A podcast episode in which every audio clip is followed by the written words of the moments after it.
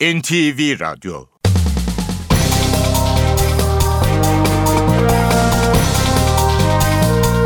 İşe Giderken Mutlu sabahlar. Ben Aynur Altunkaş. Bugün 1 Ağustos Cuma. İşe giderken de Türkiye ve dünya gündemine yakından bakacağız. Önce gündemin başlıkları. İsrail ile Hamas 3 gün sürecek ateşkes konusunda anlaştı. Başbakan Recep Tayyip Erdoğan cesaret madalyasını geri isteyen Amerikan Yahudi Kongresi'ne eğer bu soykırıma destek veriyorsanız alın ödülünüzü başınıza çalın dedi.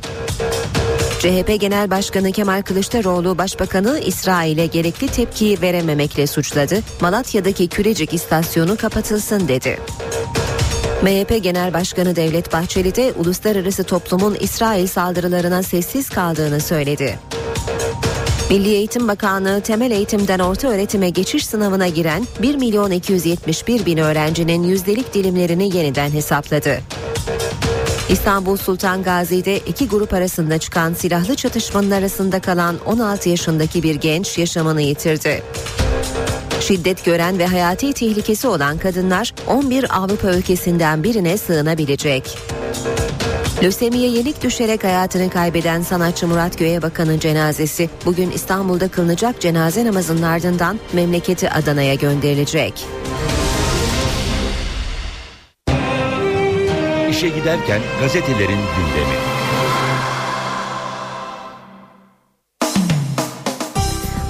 Basın özetlerine Hürriyet gazetesiyle başlayalım. Ee, aynı haberi Hürriyet'in ve Milliyet'in de manşetten duyurduğunu söyleyelim. Hürriyet kadın için tarihi gün, Milliyet ise şiddete çare iltica hakkı başlığını kullanıyor. Hürriyetten devam edelim. Türkiye Büyük Millet Meclisi'nin Mayıs 2011'de onayladığı Avrupa Konseyi İstanbul Sözleşmesi bugün yürürlüğe girdi.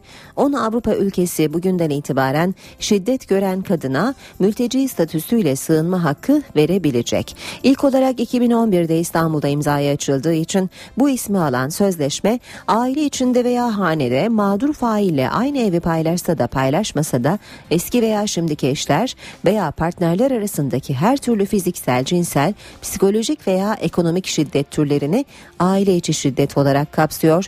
Şiddete maruz kalan veya zulümden korkan kadına mülteci statüsü verilebilecek. Şiddet nedeniyle eşinden ayrılan kadın sınır dışı edilemeyecek ve ikamet izni verilecek. Namus herhangi bir şiddet eylemi için mazeret sayılmayacak. Sözleşme hükümleri Türkiye, Arnavutluk, Avusturya, Bosna Hersek, Danimarka, İtalya, Karadağ, Portekiz, Sırbistan ve Andorra'da geçerli. Metni bazı çekince düşüncelerle kabul eden Fransa ve İsveç'te sözleşme 1 Kasım tarihinde yürürlüğe girecek.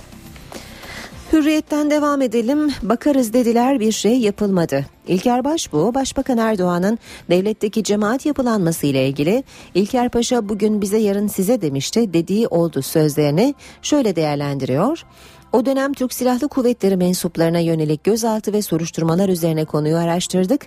Kurumlardan gelen bilgileri dosya halinde başbakana sunduk.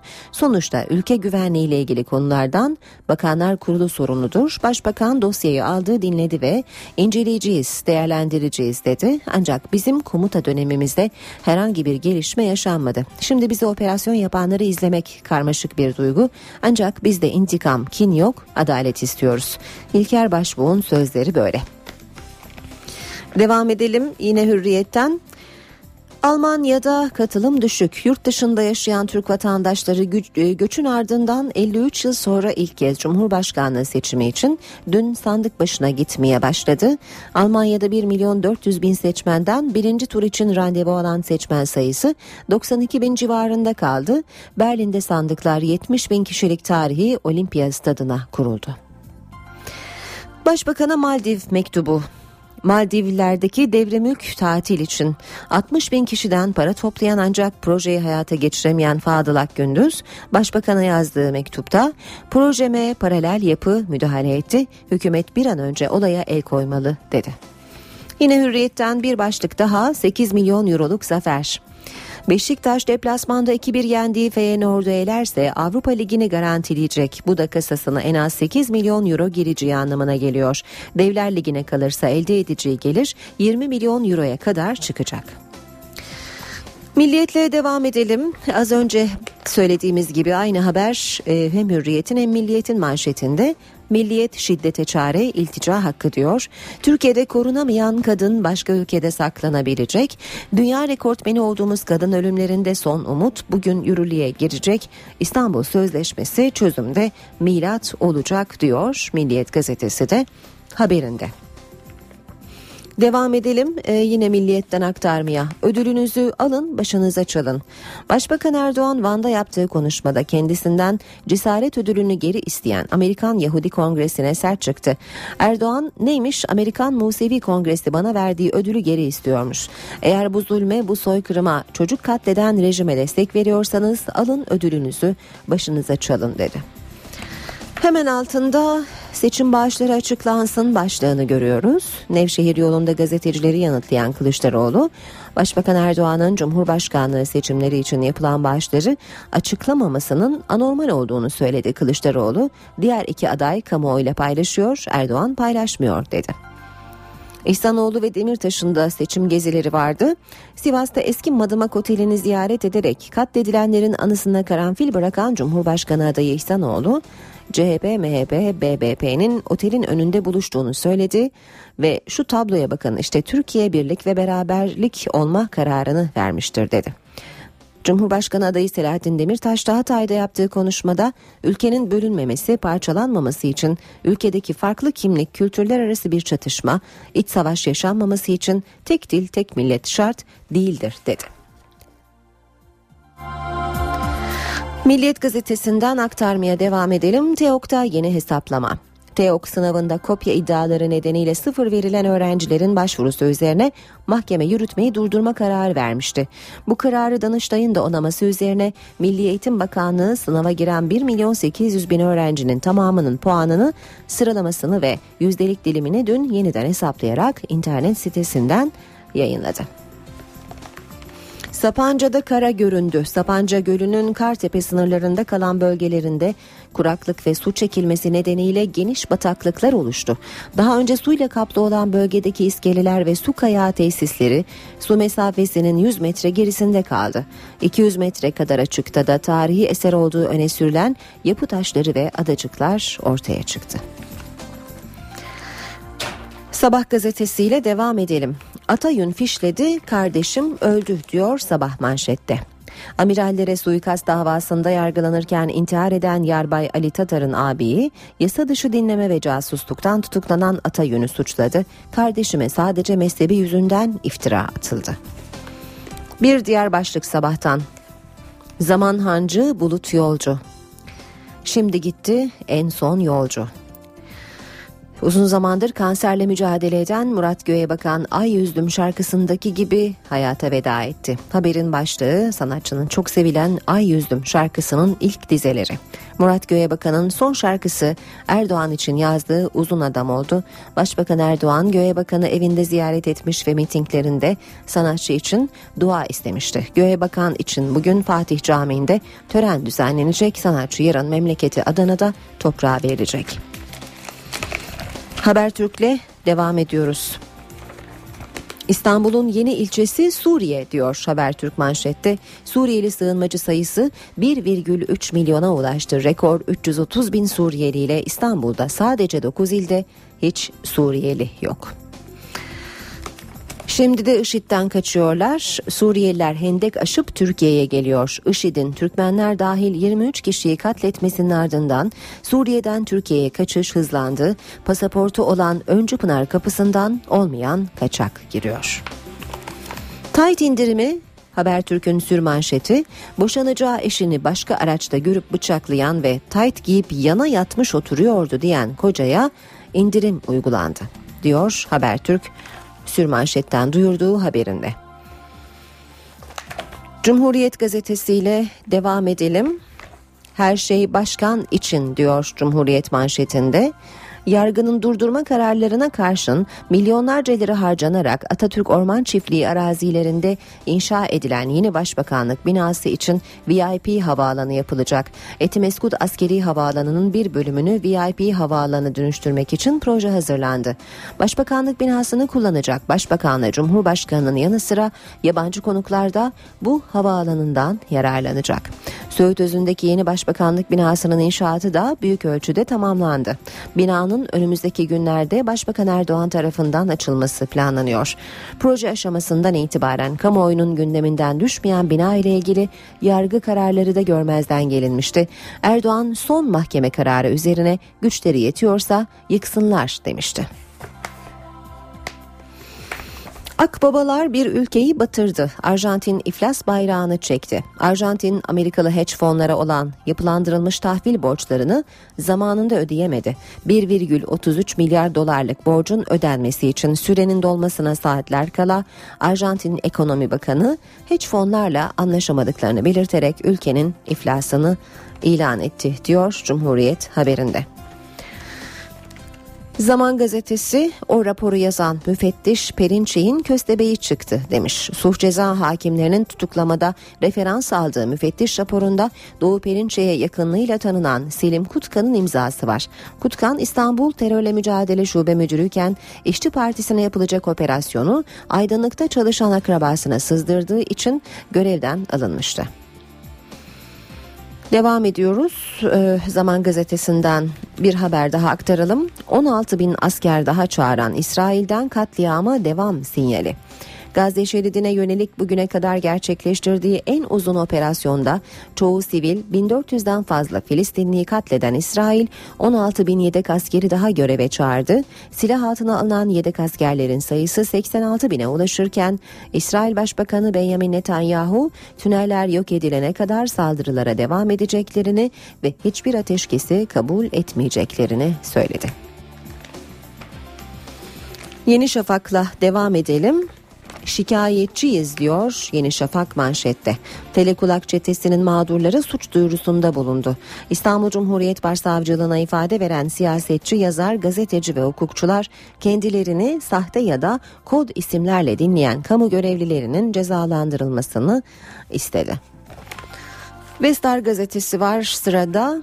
Muhtar Ramazan diyor Star manşette. 30 ildeki paralel polislerin bütün dinlemeleri yasal amirlerinden gizli olarak muhtar kod adıyla Ramazan Akgüre'in koordinatörlüğünde yürüttüğü tespit edildi diyor Star haberinde.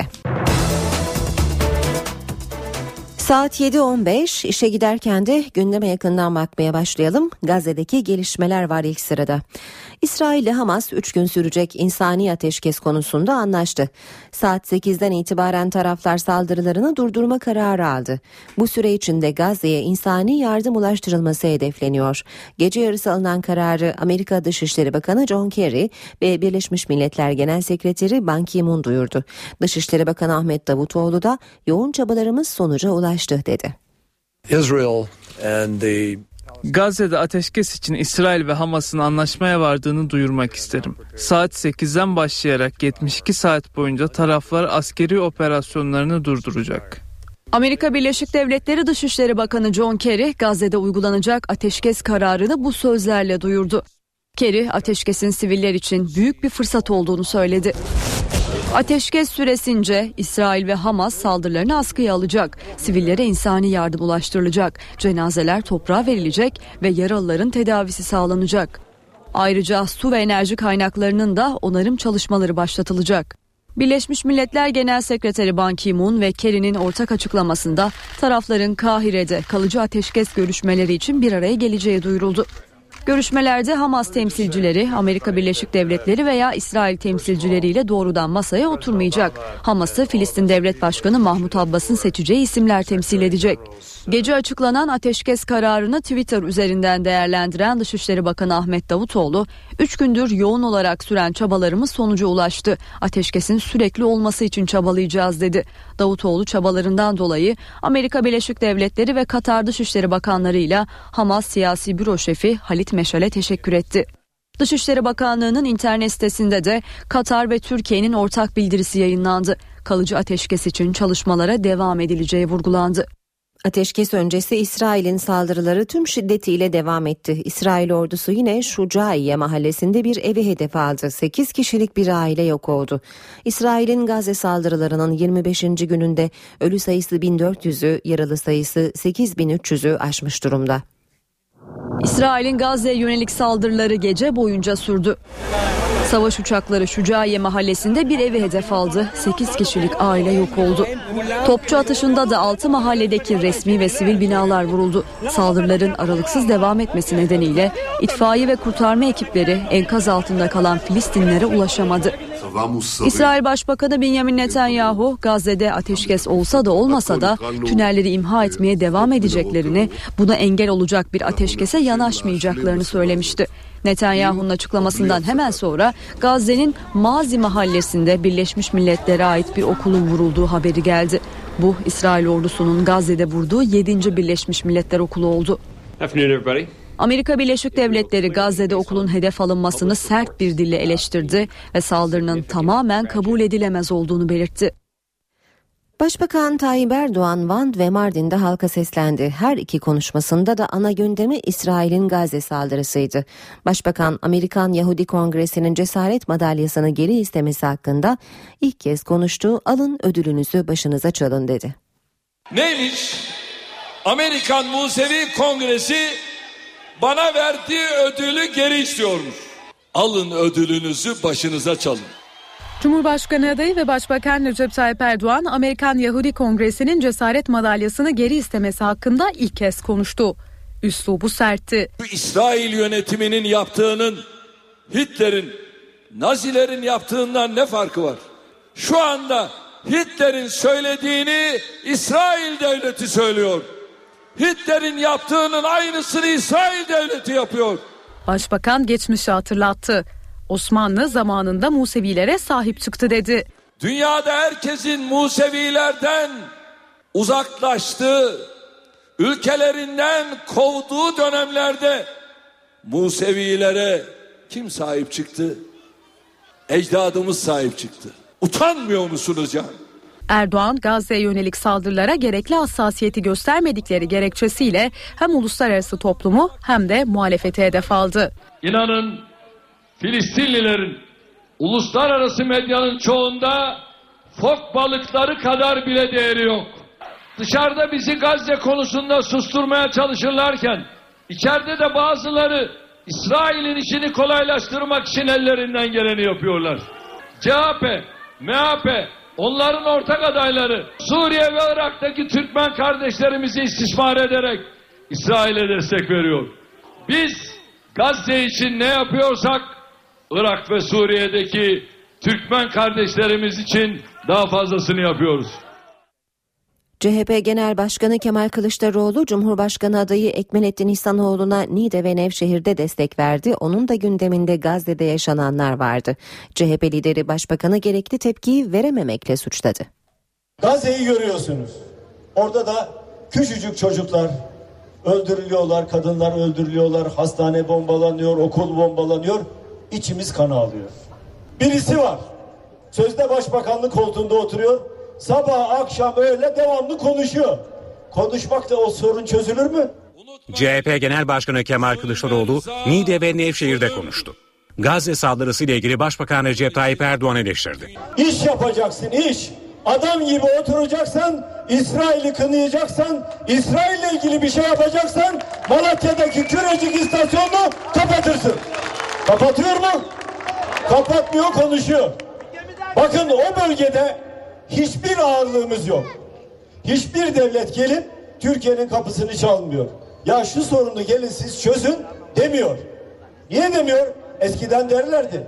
Eskiden Orta Doğu'da birisinin burnu kanasa Türkiye'ye gelirlerdi. Kılıçdaroğlu, Cumhurbaşkanı adayları Ekmelettin İhsanoğlu'na da destek istedi, tarafsızlık vurgusu yaptı.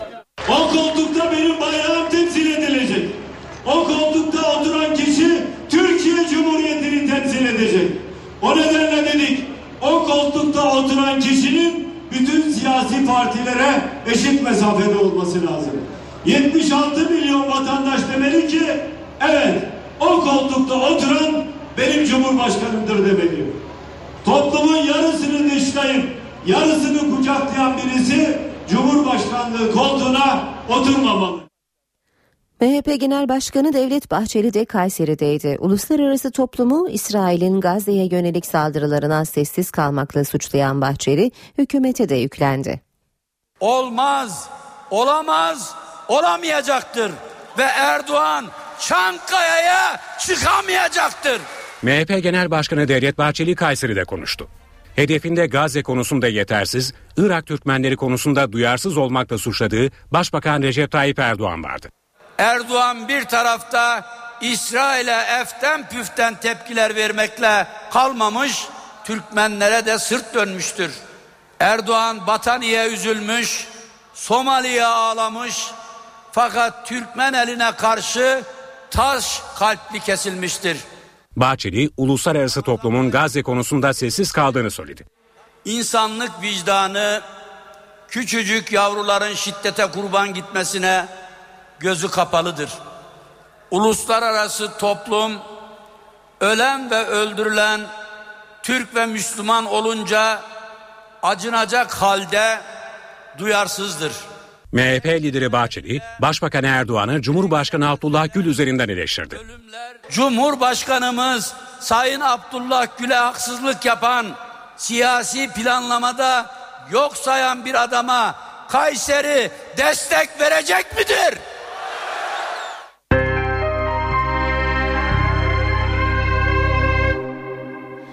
İstanbul Sultan Gazi'de iki grup arasında çıkan silahlı çatışmanın arasında kalan 16 yaşındaki bir genç vurularak yaşamını yitirdi. Gece saatlerinde Gazi Mahallesi'nde iki grup arasında silahlı çatışma çıktı. Bu sırada evine gitmek için çalıştığı atölyeden çıkan 16 yaşındaki İbrahim Öksüz iki ateş arasında kaldı. Ağır yaralanan Öksüz hastaneye kaldırıldı ancak tüm çabalara rağmen kurtarılamadı. Çatışmanın geçen günlerde Nurtepe ve Sancaktepe'de aralarında gerginlik yaşanan HDP ile Halk Cephesi üyeleri arasında meydana geldiği ileri sürüldü. Gazi Mahallesi'ndeki olaylar gece de devam etti. Polis gruplara tazikli su ve biber gazıyla müdahalede bulundu. Siirt'te baraj inşaatını basan silahlı bir grup iş makinesini yaktıktan sonra 3 özel güvenlik görevlisini kaçırdı. Olay Şirvan ilçesi orman deposu yakınlarında oldu. Özel bir şirkete ait baraj inşaat sahasını basan silahlı bir grup iş makinesini ateşe verdi. Teröristler daha sonra baraj sahasında nöbet tutan 3 özel güvenlik görevlisini kamyonetle kaçırdı. Güvenlik güçleri 3 kişinin kurtarılması için bölgede operasyon başlattı. Sıcakların artmasıyla yurt genelinde boğulma vakaları da artış gösterdi. Dün de 6 kişi boğularak yaşamını yitirdi. Son 4 günde 39 kişi boğularak hayatını kaybetti. Kayseri Pınarbaşı'da iki kuzen amcalarıyla birlikte serinlemek için Zamantı Irmağı'na girdi ancak akıntı güçlüydü. İki çocuk bir anda gözden kayboldu. Ekipler çocukların cesedine yaklaşık 3 saatlik arama çalışması sonucu ulaştı. Sivas'ta ise 35 yaşındaki Engin Kendirli eşi ve çocuklarıyla birlikte Kelki Çayı kenarına piknik yapmaya gitti. Yüzme bilmediği öğrenilen Kendirli bir süre sonra suya girdi ancak bir anda gözden kayboldu. Ekiplerin arama çalışması sonrası sudan yarı baygın halde çıkarılan iki çocuk babası hastanede hayatını kaybetti. Bir boğulma haberi de Amasya'dan geldi. 48 yaşındaki Reşat Karaböcek balık tutmak için Yeşilırmak Nehri'ne gitti. Ancak bir anda dengesini kaybederek suya düştü.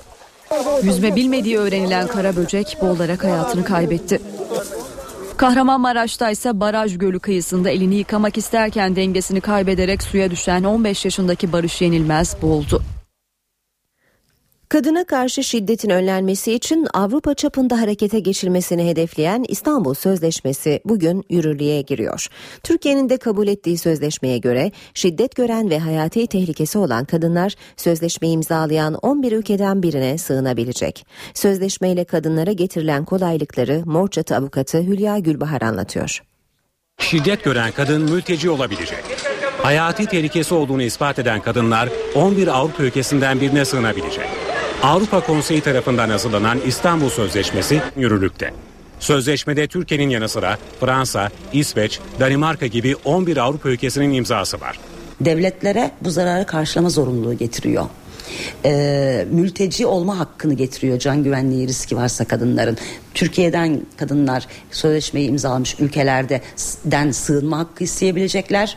Türkiye'de şiddete maruz kalan birisi de Türkiye'den sığınma hakkı isteyebilecek. İstanbul Sözleşmesi kadına yönelik her türlü şiddeti engellemeye amaçlıyor. Medeni hallerine bakılmaksızın eski eş, yeni eş, e, eşler arasında ve aile bireyleri arasındaki şiddete karşı da çok önemli düzenlemeler getiren bir sözleşme. Sözleşmeye imza atan ülkelerin almak zorunda olduğu bir dizi tedbir de var. Bir, herkesin ulaşabileceği yeterli sayıda uygun barınma olanağı sağlayan sığınaklar kurulmalı diyor. İkincisi 7-24 hizmet verecek, başvuranların kimlik bilgilerinin gizliliğine özen gösterecek alo şiddet hattı oluşturmalı diyor. Üç, e, hem adli hem tıbbi destek vermek üzere cinsel şiddet e, mağdurlarına cinsel şiddet kriz merkezleri açılmasını öngörüyor. Sözleşmeyi kabul eden 23 ülke daha var. Bu ülkelerde gerekli altyapı oluşturulduktan sonra sözleşme yürürlüğe girecek. Milli Eğitim Bakanlığı Danıştay kararı üzerine temel eğitimden orta öğretime geçiş uygulaması kapsamında yapılan ortak sınavlara giren bütün öğrencilerin yüzdelik dilimlerini yeniden hesapladı. Bakanlık tercihler yapılmadan öğrencilerin mutlaka yeni dilimini kontrol etmesini tavsiye ediyor. Milli Eğitim Bakanlığı temel eğitimden orta öğretime geçiş sınavına giren 1 milyon 271 bin öğrencinin yüzdelik dilimlerini yeniden hesapladı. Hesaplama Danıştay'ın kopya işlemi uygulanan öğrencilerle ilgili yürütmeyi durdurma kararı üzerine yapıldı. Bu yıl ilk kez uygulanan TEOK'ta 8. sınıf öğrencileri 28-29 Kasım ve 28-29 Nisan'da ortak sınavlara girdi. Bu sınavlarda ikili kopya çektikleri gerekçesiyle 6165 öğrencinin puanı hesaplanmadı. Bazı öğrencilerin itirazı üzerine Danıştay 8. Dairesi uygulamaya ilişkin yürütmeyi durdurma kararı verdi. Milli Eğitim Bakanlığı da tercih sürecinde öğrencilerin mağdur olmaması için kopya işlemi yapılan bütün öğrencilerin yerleştirme puanlarını yeniden hesapladı. Bu durum yüzdelik dilimleri değiştirdiği için sınava giren tüm öğrencilerin yüzdelik dilimleri de yeniden hesaplandı. Uzmanlar 6165 öğrencinin puanlarının yeniden hesaplanmasının yüzdelik dilimleri çok fazla değiştirmeyeceği görüşünde. Ancak adayların yeni puanlarını gözden geçirerek tercih yapmaları öneriliyor. Liselere giriş için tercih süreci 8 Ağustos'a kadar devam edecek. İsrail ile Hamas 3 gün sürecek ateşkes konusunda anlaştı. Başbakan Recep Tayyip Erdoğan cesaret madalyasını geri isteyen Amerikan Yahudi Kongresi'ne eğer bu soykırıma destek veriyorsanız alın ödülünüzü başınıza çalın dedi. CHP Genel Başkanı Kemal Kılıçdaroğlu Başbakanı İsrail'e gerekli tepkiyi verememekle suçladı. Malatya'daki Kürecik istasyonu kapatılsın dedi.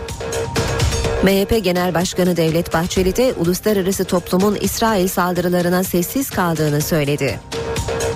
Milli Eğitim Bakanlığı temel eğitimden orta öğretime geçiş sınavına giren 1 milyon 271 bin öğrencinin yüzdelik dilimlerini yeniden hesapladı. İstanbul Sultan Gazi'de iki grup arasında çıkan silahlı çatışmanın arasında kalan 16 yaşındaki bir genç yaşamını yitirdi. Şiddet gören ve hayati tehlikesi olan kadınlar 11 Avrupa ülkesinden birine sığınabilecek. Lösemiye yenik düşerek hayatını kaybeden sanatçı Murat Göğebakan'ın cenazesi bugün İstanbul'da kılınacak cenaze namazının ardından memleketi Adana'ya gönderilecek. Gündemdeki e, gelişmelere bakmaya e, devam ediyoruz. NTV Radyo'da işe giderken de Cumhurbaşkanı adaylarının seçim gezilerine bakalım şimdi. Başbakan Tayyip Erdoğan dün Van ve Mardin'de konuştu. Hedefinde rakipleri Ekmelettin İhsanoğlu ve Selahattin Demirtaş vardı. İhsanoğlu'na İstiklal Marşı üzerinden yüklendi. Demirtaş'ı ise Kürtçülük yapmakla suçladı. Başbakan Recep Tayyip Erdoğan Van mitinginde rakibi Ekmelettin İhsanoğlu'nu hedef aldı. İhsanoğlu'nu İstiklal Marşı'nı bilmeyecek kadar millete uzak olmakla suçladı. Akif'in kabrinin başında yazılı olan bu dörtlüğü okuyor. Bu dörtlük Çanakkale şehitleri şiirinden herhalde diyor. İstiklal Marşı'nı bilmeyen adaya CHP'liler, MHP'liler oy mu verecekler? Senin profluğuna da yazıklar olsun.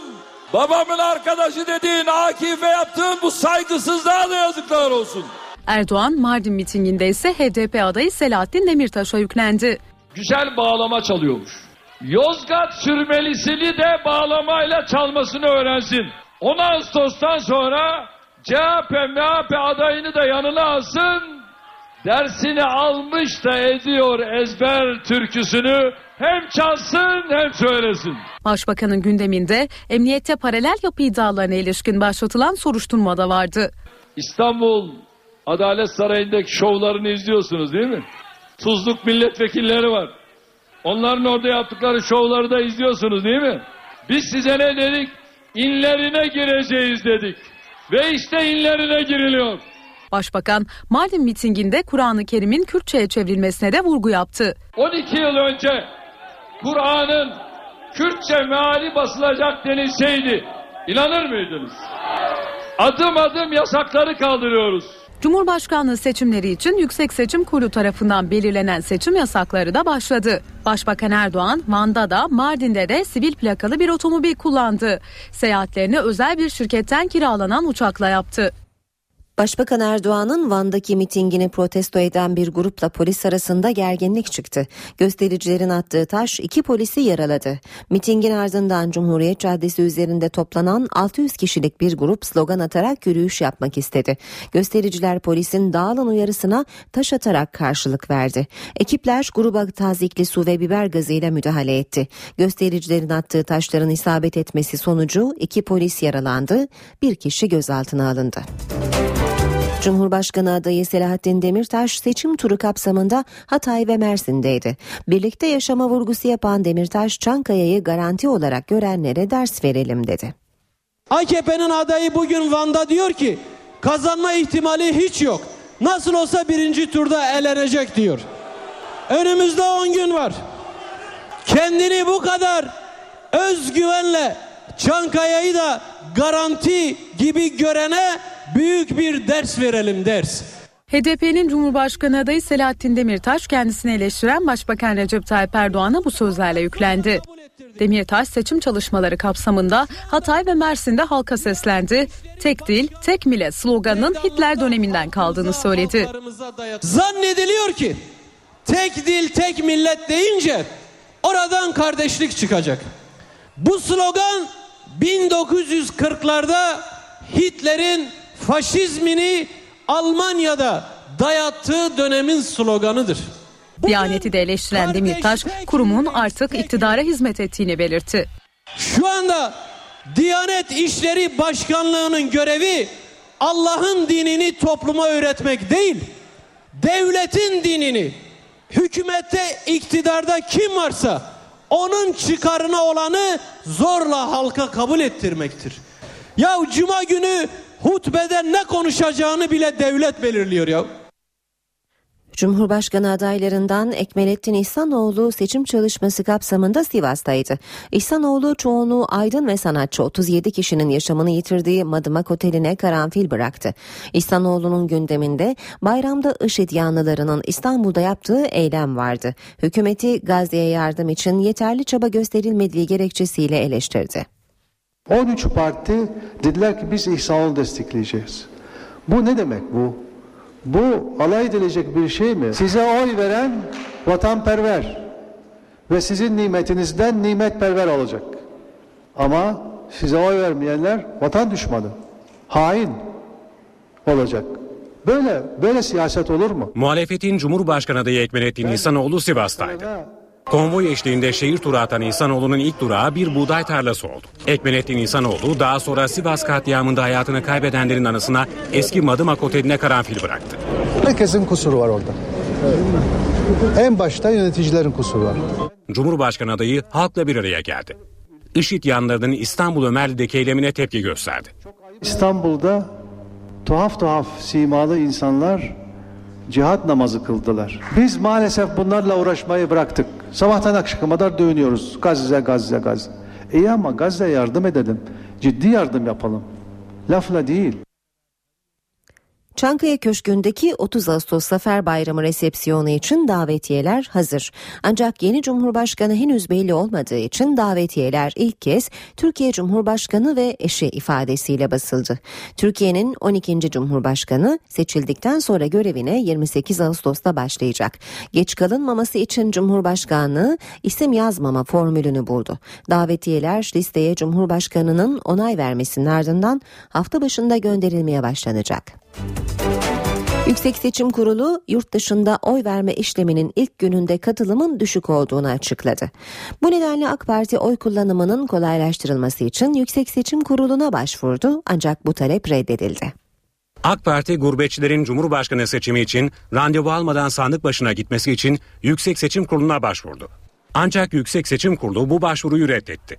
Randevu almayan vatandaşlarımızın randevularını sistem verdi. Kendileri e, Yüksek Seçim Kurulu'nun YSK.gov.tr adresine e, sitesine girmek e, suretiyle hangi gün, nerede, hangi sandıkta oy kullanacaklarını öğrenebilirler. Randevu gününü kaçıran vatandaşlarımız ne yapacaklar? Bununla ilgili de sadece yapabilecekleri tek şey gümrüklerde oy kullanmak. Yurt dışında yaşayan Türkler Cumhurbaşkanı seçiminde oy kullanmak için YSK'dan randevu alıyor.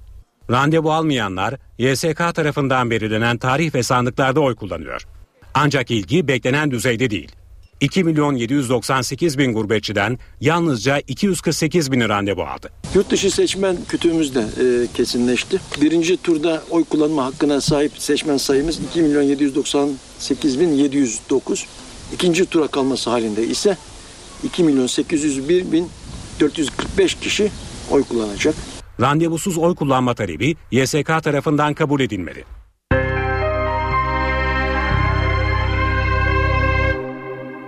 Lösemi hastalığı nedeniyle uzun süredir tedavi gören müzisyen Murat Göğebakan dün hayatını kaybetti. Sanatçının cenazesi bugün İstanbul'da kılınacak cenaze namazının ardından memleketi Adana'ya gönderilecek. Samandancı bulutu yolcu Şimdi gitti en son yolcu Ay yüzdüm, yaralı, vazgeçilmiyor. Neredesin ay yüzlü Türk müziğine unutulmaz şarkılar kazandıran sanatçı Murat Göğebakan hayatını kaybetti. Göğebakan 5 yıldan bu yana lösemi hastasıydı. Gezer oldum yar gezer oldum Göğebakan'ın durumu 10 gün önce ağırlaştı. Yoğun bakımda tedavi altına alındı. 46 yaşındaki sanatçı hayata veda etti. ciddi solunum sıkıntısı nedeniyle yoğun bakıma aldık. Ancak maalesef yaptığımız bütün müdahalelere rağmen bugün kendisini kaybettik. Göğebakan'ın kardeşi ve oğlu konuşmakta güçlük çekti. Ay yüzünüzü kaybettik Fazla yaş farkı olmadığından dolayı Arkadaş gibiydik aynı Hastayken de sanatçıyı ziyaret eden Başbakan Recep Tayyip Erdoğan, Van mitinginde Göğebakan için dua etti. Murat Göğebakan kardeşimiz ebedi aleme yürüdü. Allah rahmet etsin. Rabbim mekanını cennet eylesin. Göğebakan için Fatih Camii'nde cenaze namazı kılınacak. Törene Başbakan da katılacak. Sanatçının cenazesi cumartesi günü memleketi Adana Güreyir'de toprağa verilecek. Cumhurbaşkanı adayı Ekmelettin İhsanoğlu dün hayatını kaybeden Murat Göğebakan'ın Adana'daki baba evine taziye ziyaretinde bulundu. Cumhurbaşkanı adaylarından Ekmelettin İhsanoğlu seçim çalışmaları için bulunduğu Adana'da dün yaşamını yitiren sanatçı Murat Göğebakan'ın ailesine taziye ziyaretinde bulundu. Göğebakan'ın yakınları tarafından karşılanan İhsanoğlu sanatçının akrabalarıyla bir süre sohbet etti. Murat Göğebakan'ın Türkiye'ye mal olmuş bir sanatçı olduğunu ifade eden İhsanoğlu yakınlarına başsağlığı diledi. İhsanoğlu ve beraberindekiler daha sonra evden ayrıldı. Diyarbakır'daki tanker faciasının sonuçları ağırlaşıyor. Hayatını kaybedenlerin sayısı 27'ye yükseldi. 33 yaralının ise tedavisi sürüyor. Durumu ağır olan yaralılardan kötü haber geldi. Diyarbakır'daki tanker patlamasında ölenlerin sayısı 27'ye yükseldi. Vücutlarında ağır yanıklar olan yaralılardan 7'si daha yaşamını yitirdi. Diyarbakır Bingöl Karayolu'nda LPG yüklü tankerin devrilmesi sonucu sızan gaz yaklaşık 500 metrelik alana yayılıp alev aldı. Yanan iki yolcu otobüsüyle bir araç hurdaya döndü. Olay yerinde bir kişi öldü. Vücutlarında yanıklar oluşan 70 kişiden durumu ağır olanlar var. Kentteki tek yanık merkezi Dicle Üniversitesi Hastanesi'ydi. Ancak 24 yataklı merkez tamamen doluydu. Bu yüzden yaralıların çoğuna ilk müdahale hastanenin yoğun bakım merkezinde yapıldı. Daha sonra yaralılar hava ambulanslarıyla İstanbul, Erzurum, Adana, Kocaeli, Şanlıurfa, Mersin ve Elazığ'daki 14 hastaneye sevk edildi. 9 gün içinde durumu ağır olan 26 kişi hastanelerde yaşamını yitirdi. Kayıp sayısı 27'yi buldu. Kazada yaralanan 33 kişinin tedavisi ise sürüyor. Uyarılar, önlemler kar etmedi. Bayramda trafik kazalarında ölenlerin sayısı yüzü geçti. 4000'in üzerinde de yaralı var. Ramazan bayramı tatilinde kazaların bilançosu ağır. 4 günde 108 kişi hayatını kaybetti. 4002 kişi de yaralandı. Emniyet Genel Müdürlüğü'nün verilerine göre Ramazan bayramı tatilinin ilk 4 gününde 84'ü ölümlü, 1824'ü de yaralamalı kaza yaşandı. Bayram tatilinin başladığı 26 Temmuz Cumartesi günü 28 kişi, 27 Temmuz Pazar günü 32, 28 Temmuz Pazartesi günü 17 kişi, 29 Temmuz Salı günü ise 31 kişi hayatını kaybetti. Uzmanlara göre kazaların en büyük iki nedeni tatilcilerin yola yorgun çıkması ve emniyet kemeri kullanmamak. Vatandaşlarımız yoğun mesainin e, hemen akabinde yollara çıkmakta. Maalesef kazalarımızın büyük bir kısmı bu son varış noktalarına yakın yerlerde meydana gelmekte. Bu kazalardaki bakıyorsunuz emniyet kemeri takma oranı çok düşük. Maalesef emniyet kemeri ölümlerde %45 ağır yaralamalı kazalarda sizi %55'e kadar koruyan önemli güvenlik donanımı ama maalesef biz kuralları kendi güvenliğimiz için olduğunu unutuyoruz.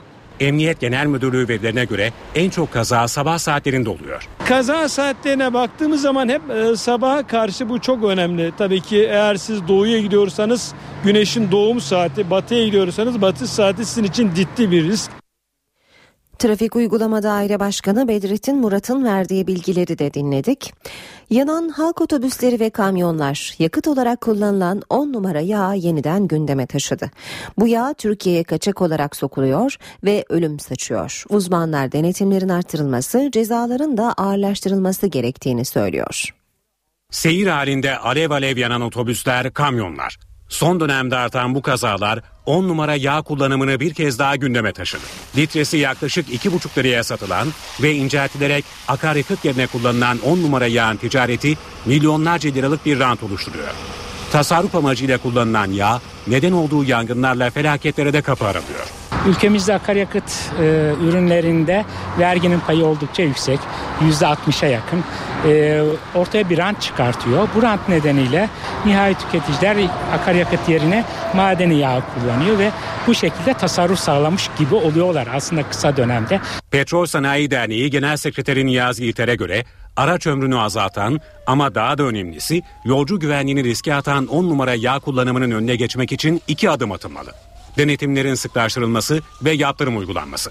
Yapılması gereken en önemli şey iki aşamada denetim. Birincisi bu ürünü piyasaya ürün olarak sunan e, arz tarafında yani e, satış yapanlar açısından bir denetim e, söz konusu olmalı. Sıklaştırmalı. Toplu taşımaya çok dikkat etmek lazım. Toplu taşıma, nakliye e, araçları e, ve bir de belki servisler, servis araçları. En önemlisi o. Evet servis araçları. Bu üç kesimde özellikle kullanıcılara yönelik denetimler, yol üstünde denetimler arttırılmalı ve mutlaka yaptırımlar uygulanmalı. Gümrük ve Ticaret Bakanlığı'na bağlı kaçakçılıkla mücadele ekipleri son 7 ayda 3 milyon 497 bin lira değerinde kaçak silah ve mühimmata el koydu. Gümrük Bakanlığı'ndan yapılan yazılı açıklamada özellikle Suriye'de çıkan iç savaş ve Irak'ta yaşanan siyasi krizin ardından kaçakçılık girişimlerinin arttığına vurgu yapıldı. Gümrük Bakanlığı 2014 yılının ilk 7 ayında gerçekleştirilen operasyonlarda 3 milyon 497 bin lira değerinde silah, mühimmat mühimmat ve güvenlik malzemesi ele geçirildiğini açıkladı. NTV Radyo Herkese yeniden günaydın. İşe giderken haberler bu saatte de devam edecek. Önce gündemin başlıklarını hatırlayalım. Ardından hava durumu için Gökhan Abur'la konuşacağız. İsrail ile Hamas 3 gün sürecek ateşkes konusunda anlaştı. Başbakan Recep Tayyip Erdoğan cesaret madalyasını geri isteyen Amerikan Yahudi Kongresi'ne eğer bu soykırıma destek veriyorsanız alın ödülünüzü başınıza çalın dedi. CHP Genel Başkanı Kemal Kılıçdaroğlu Başbakanı İsrail'e gerekli tepkiyi verememekle suçladı. Malatya'daki Kürecik istasyonu kapatılsın dedi. MHP Genel Başkanı Devlet Bahçeli de uluslararası toplumun İsrail saldırılarına sessiz kaldığını söyledi. Milli Eğitim Bakanlığı temel eğitimden orta öğretime geçiş sınavına giren 1 milyon 271 bin öğrencinin yüzdelik dilimlerini yeniden hesapladı. İstanbul Sultan Gazi'de iki grup arasında çıkan silahlı çatışmanın arasında kalan 16 yaşındaki bir genç yaşamını yitirdi. Şiddet gören ve hayati tehlikesi olan kadınlar 11 Avrupa ülkesinden birine sığınabilecek. Lösemiye yenik düşerek hayatını kaybeden sanatçı Murat Göğebakan'ın cenazesi bugün İstanbul'da kılınacak cenaze namazının ardından memleketi Adana'ya gönderilecek. Gökhan Abur'la beraberiz. Sayın Abur hoş geldiniz. Merhaba hoş bulduk. İyi akşamlar. İyi, ah pardon. Günaydın. Sabahınız akşamınız karıştı birbirine çünkü sizi bir akşam haberlerde görüyoruz. Bir sabah bizimlesiniz. Evet Ee, doğru haklısınız yani dediğiniz gibi Evet. koşuşmaktan Sıcak gündemi de çok yoğun çünkü kuraklık da kapıda bir taraftan. Ee, ama yağmur da bekleniyor. Bugün hava nasıl olacak yurdumuzda? Ee, Marmara'da bulunanlar biraz nefes alacaklar çünkü Poyraz giderek sertleşiyor. Özellikle İstanbul'da şu anda 20 kilometrenin üzerinde esen bir Poyraz var. Bu da düne göre biraz sıcaklığı 1-2 derece azaltacak ve bunaltıcılık da azalacak. Ve gece bulutlanma artacak. Gece saatlerinde Trakya'da başlamasını beklediğimiz özellikle Edirne Çanakkale arasında başlayacak yağış yarın Marmara'nın tümünde aralıklarla görülecek. İstanbul'da da gün içinde hafif yağış geçişleri bekliyoruz. Pazar günü Pazar günü tabi yarın hem rüzgarın sert esmesi hem de yağışla birlikte Marmara'da ve İstanbul'da sıcaklıklar azalacağı için ki bugüne göre en az 5-6 derece azalacak. Ee, Pazar günü yine aralıklarla sağanak yağmur geçişleri görülecek. Hafta sonunu Marmara nefes alabilecek bir hava koşullarında ama yağışlı geçirecek. Yalnız Marmara değil Batı Karadeniz ve Kuzey Ege'de de yarın için yağış bekliyoruz. Ege'de ise sıcaklıklar bugün de oldukça yüksek. Hafta sonunda Güney Ege'de yine güneyli rüzgarların taşıyacağı nemle birlikte bunaltıcılık bir hayli artacak.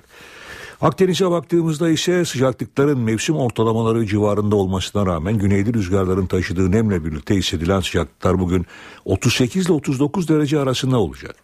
Hafta sonu özellikle Antalya'nın doğu ilçeleri ve e, Doğu Akdeniz bölgesinde kısa süreli yağış geçişleri olasılığımız var. İç kesimlerde yağış beklemiyoruz. İç Anadolu bölgemiz çok kurak bir dönem yaşıyor. Özellikle Konya'da e, hem hidrolojik kuraklık da kendisini iyice hissettirmeye başladı. Meteorolojik kuraklıktan sonra e, sıcaklıklar oldukça yüksek ve bugün yine 34 ile 37 derece arasında değişecek ki Ankara'da beklediğimiz sıcaklıkta 36 derece civarında olacak bugün. Hafta sonunda bu değerlerin e, görülmesini bekliyoruz İç Anadolu bölgemizde. Batı Karadeniz bölgemizde hava genellikle açık az bulutlu. Sıcaklıklar mevsim ortalamaları civarında ama yarın orada da bulutlanma artacak ve en geç yarın öğle saatlerinde başlayacak Batı Karadeniz'deki yağışların pazar günü aralıklarla devam etmesini bekliyoruz ki bu yağışlar özellikle iç kesimlerde yani Bolu, Düzce, Karabük, Kastamonu arasındaki bölgede zaman zaman yarın akşam ve pazar günü yer yer kuvvetli sağanaklar şeklinde görülebilecek. Doğuda ise çok yüksek sıcaklıklar var. Doğu ve Güneydoğu'da sıcaklıklar bir hayli yüksek. Güneydoğu'da 40 derecenin üzerine çıkan sıcaklıklar görülürken Doğuda da özellikle Malatya'da 37-38 dereceler altına sıcaklıklar düşmüyor. Bu mevsim ortalamalarının en az 5-6 derece üzerindeki sıcaklık değerleri. Evet. Doğu Karadeniz'in doğusunda ise akşama doğru yine hafif yağış var. Hafta sonunda bölgede yağışlar özellikle Rize, Artvin, Erzurum, Kars, Ardahan arasındaki bölgede aralıklarla da olsa devam edecek. Bekleyen Gökhan koşullar böyle. Teşekkürler. NTV Radyo İşe giderken gündeme yakından bakmaya devam edelim. İsrail ile Hamas 3 gün sürecek insani ateşkes konusunda anlaştı. Saat 8'den itibaren taraflar saldırılarını durdurma kararı aldı. Az önce ateşkes yürürlüğe girdi. Bu süre içinde Gazze'ye insani yardım ulaştırılması hedefleniyor. Gece yarısı alınan kararı Amerika Dışişleri Bakanı John Kerry ve Birleşmiş Milletler Genel Sekreteri Ban Ki-moon duyurdu. Dışişleri Bakanı Ahmet Davutoğlu da yoğun çabalarımız sonuca ulaştı dedi. Israel and the Gazze'de ateşkes için İsrail ve Hamas'ın anlaşmaya vardığını duyurmak isterim. Saat 8'den başlayarak 72 saat boyunca taraflar askeri operasyonlarını durduracak. Amerika Birleşik Devletleri Dışişleri Bakanı John Kerry Gazze'de uygulanacak ateşkes kararını bu sözlerle duyurdu. Kerry ateşkesin siviller için büyük bir fırsat olduğunu söyledi. Ateşkes süresince İsrail ve Hamas saldırılarını askıya alacak. Sivillere insani yardım ulaştırılacak. Cenazeler toprağa verilecek ve yaralıların tedavisi sağlanacak. Ayrıca su ve enerji kaynaklarının da onarım çalışmaları başlatılacak. Birleşmiş Milletler Genel Sekreteri Ban Ki-moon ve Kerry'nin ortak açıklamasında tarafların Kahire'de kalıcı ateşkes görüşmeleri için bir araya geleceği duyuruldu. Görüşmelerde Hamas temsilcileri, Amerika Birleşik Devletleri veya İsrail temsilcileriyle doğrudan masaya oturmayacak. Hamas'ı Filistin Devlet Başkanı Mahmut Abbas'ın seçeceği isimler temsil edecek. Gece açıklanan ateşkes kararını Twitter üzerinden değerlendiren Dışişleri Bakanı Ahmet Davutoğlu, 3 gündür yoğun olarak süren çabalarımız sonuca ulaştı. Ateşkesin sürekli olması için çabalayacağız dedi. Davutoğlu çabalarından dolayı Amerika Birleşik Devletleri ve Katar Dışişleri Bakanlarıyla Hamas Siyasi Büro Şefi Halit Meşal'e teşekkür etti. Dışişleri Bakanlığı'nın internet sitesinde de Katar ve Türkiye'nin ortak bildirisi yayınlandı. Kalıcı ateşkes için çalışmalara devam edileceği vurgulandı. Ateşkes öncesi İsrail'in saldırıları tüm şiddetiyle devam etti. İsrail ordusu yine Şucaiye mahallesinde bir evi hedef aldı. 8 kişilik bir aile yok oldu. İsrail'in Gazze saldırılarının 25. gününde ölü sayısı 1400'ü, yaralı sayısı 8300'ü aşmış durumda. İsrail'in Gazze'ye yönelik saldırıları gece boyunca sürdü. Savaş uçakları Şucaiye mahallesinde bir evi hedef aldı. 8 kişilik aile yok oldu. Topçu atışında da 6 mahalledeki resmi ve sivil binalar vuruldu. Saldırıların aralıksız devam etmesi nedeniyle itfaiye ve kurtarma ekipleri enkaz altında kalan Filistinlere ulaşamadı. İsrail Başbakanı Benjamin Netanyahu Gazze'de ateşkes olsa da olmasa da tünelleri imha etmeye devam edeceklerini, buna engel olacak bir ateşkese yanaşmayacaklarını söylemişti. Netanyahu'nun açıklamasından hemen sonra Gazze'nin Mazi mahallesinde Birleşmiş Milletler'e ait bir okulun vurulduğu haberi geldi. Bu İsrail ordusunun Gazze'de vurduğu 7. Birleşmiş Milletler okulu oldu. Amerika Birleşik Devletleri Gazze'de okulun hedef alınmasını sert bir dille eleştirdi ve saldırının tamamen kabul edilemez olduğunu belirtti. Başbakan Erdoğan, Van ve Mardin'de halka seslendi. Her iki konuşmasında da ana gündemi İsrail'in Gazze saldırısıydı. Başbakan Amerika Yahudi Kongresi'nin cesaret madalyasını geri istemesi hakkında ise ilk kez konuştu. Alın ödülünüzü başınıza çalın dedi. Neymiş? Amerikan Musevi Kongresi bana verdiği ödülü geri istiyormuş. Alın ödülünüzü başınıza çalın. Cumhurbaşkanı adayı ve Başbakan Recep Tayyip Erdoğan Amerikan Yahudi Kongresi'nin cesaret madalyasını geri istemesi hakkında ilk kez konuştu. Üslubu sertti. İsrail yönetiminin yaptığının Hitler'in, Nazilerin yaptığından ne farkı var? Şu anda Hitler'in söylediğini İsrail devleti söylüyor. Hitler'in yaptığının aynısını İsrail devleti yapıyor. Başbakan geçmişi hatırlattı. Osmanlı zamanında Musevilere sahip çıktı dedi. Dünyada herkesin Musevilerden uzaklaştığı, ülkelerinden kovduğu dönemlerde Musevilere kim sahip çıktı? Ecdadımız sahip çıktı. Utanmıyor musunuz ya? Erdoğan Gazze'ye yönelik saldırılara gerekli hassasiyeti göstermedikleri gerekçesiyle hem uluslararası toplumu hem de muhalefeti hedef aldı. İnanın Filistinlilerin uluslararası medyanın çoğunda fok balıkları kadar bile değeri yok. Dışarıda bizi Gazze konusunda susturmaya çalışırlarken içeride de bazıları İsrail'in işini kolaylaştırmak için ellerinden geleni yapıyorlar. CHP, MHP, onların ortak adayları Suriye ve Irak'taki Türkmen kardeşlerimizi istismar ederek İsrail'e destek veriyor. Biz Gazze için ne yapıyorsak Irak ve Suriye'deki Türkmen kardeşlerimiz için daha fazlasını yapıyoruz.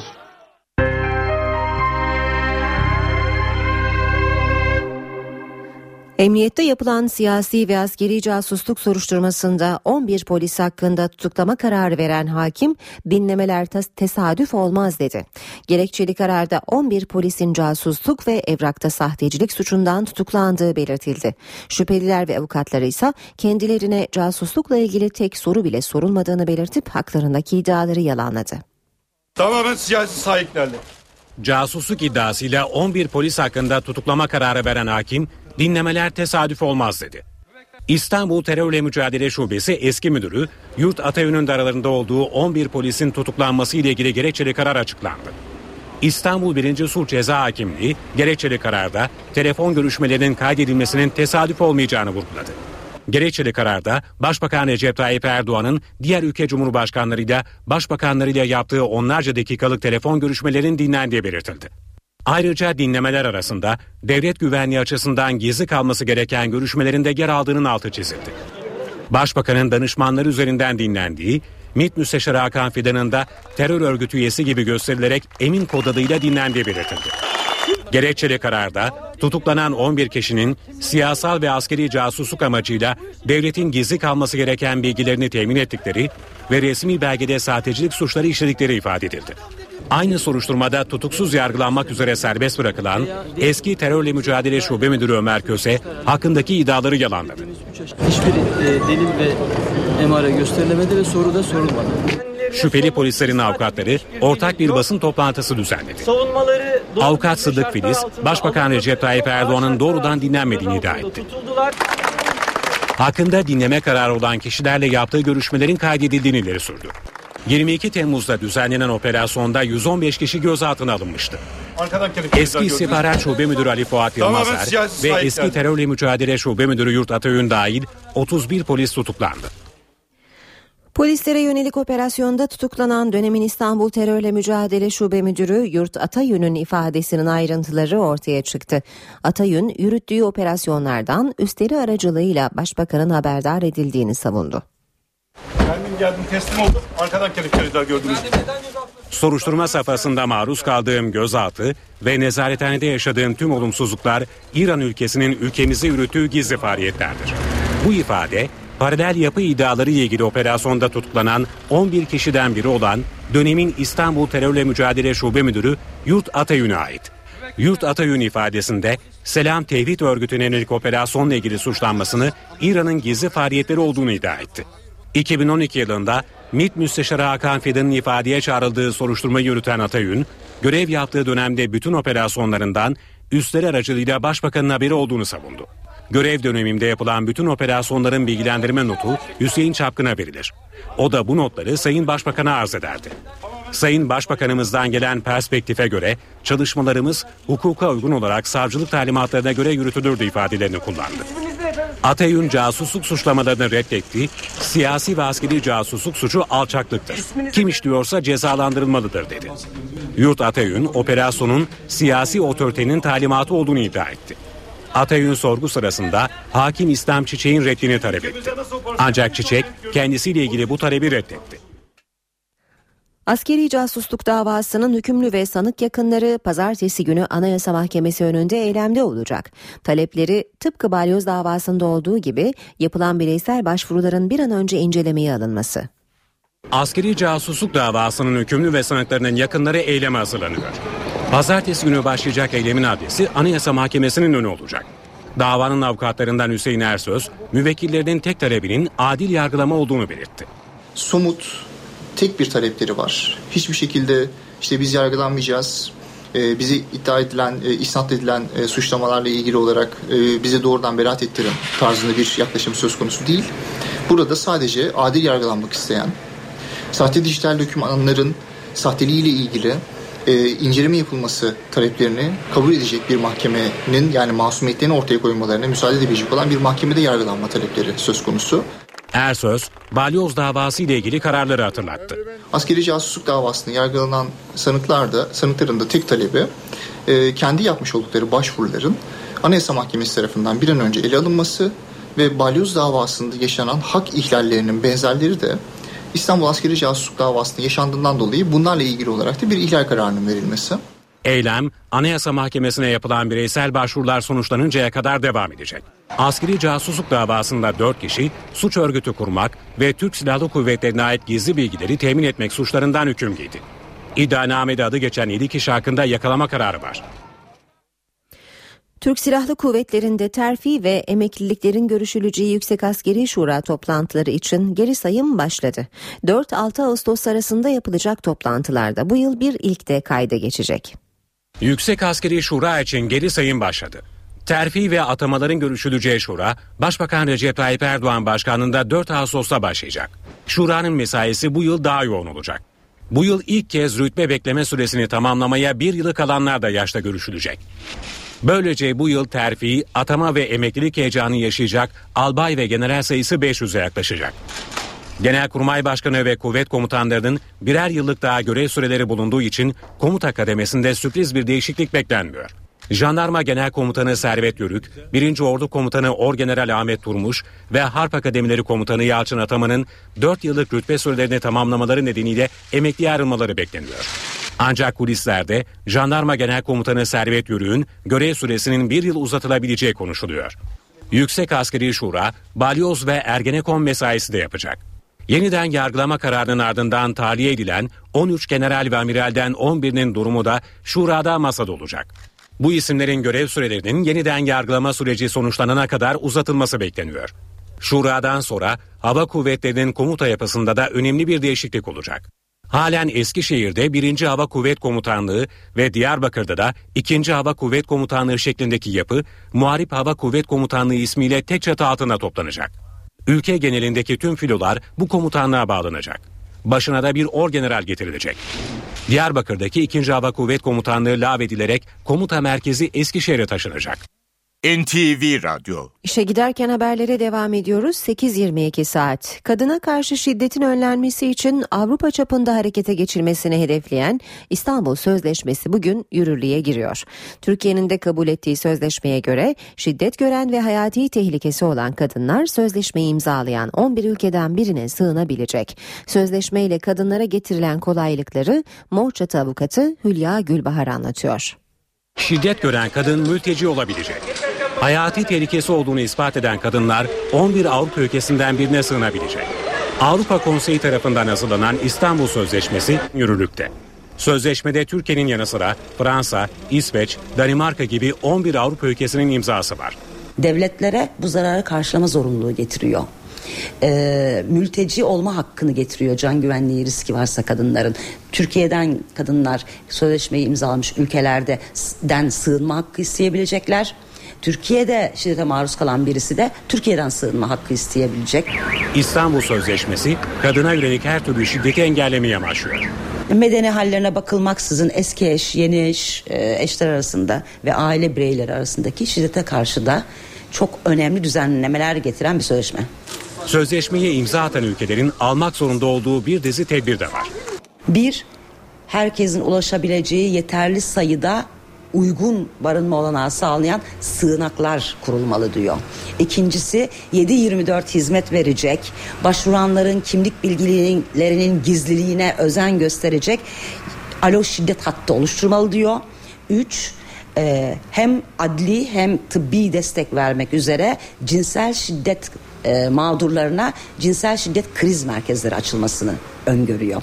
Sözleşmeyi kabul eden 23 ülke daha var. Bu ülkelerde gerekli altyapı oluşturulduktan sonra sözleşme yürürlüğe girecek. Milli Eğitim Bakanlığı Danıştay kararı üzerine temel eğitimden orta öğretime geçiş uygulaması kapsamında yapılan ortak sınavlara giren bütün öğrencilerin yüzdelik dilimlerini yeniden hesapladı. Bakanlık tercihler yapılmadan öğrencilerin mutlaka yeni dilimini kontrol etmesini tavsiye ediyor. Milli Eğitim Bakanlığı temel eğitimden orta öğretime geçiş sınavına giren 1 milyon 271 bin öğrencinin yüzdelik dilimlerini yeniden hesapladı. Hesaplama Danıştay'ın kopya işlemi uygulanan öğrencilerle ilgili yürütmeyi durdurma kararı üzerine yapıldı.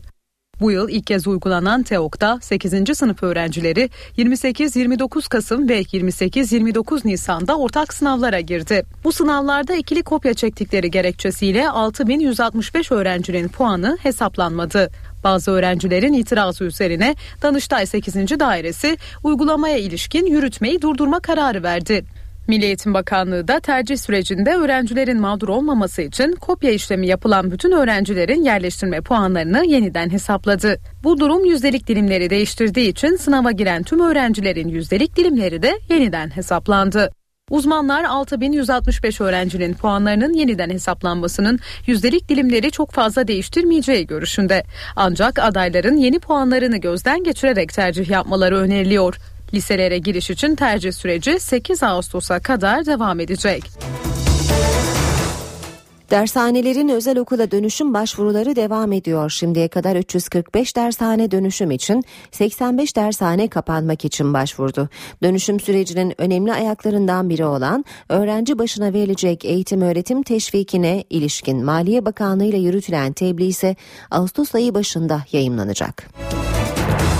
Damacanalar en fazla 75 kez doldurulacak. Ömürleri 3 yıl olacak. Damacana sular artık elektronik olarak izlenecek.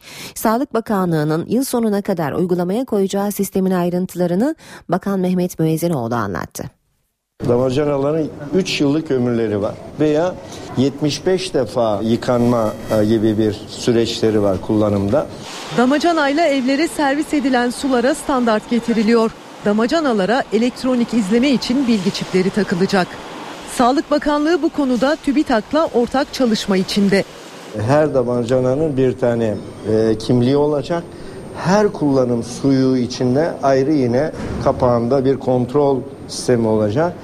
Bir damacana 75 defadan fazla doldurulamayacak. Sistem basit işleyecek. Akıllı telefonlar devreye girecek. İlaç takip sisteminde olduğu gibi telefonlara da programını yükleyerek damarcana suyunu alan her vatandaşımız kullandığı suyun hem kimliğini hem de kalitesini kendi telefonundan yüklediği programdan e, görmüş okumuş olacak. Sistemin yıl sonuna kadar hayata geçirilmesi planlanıyor.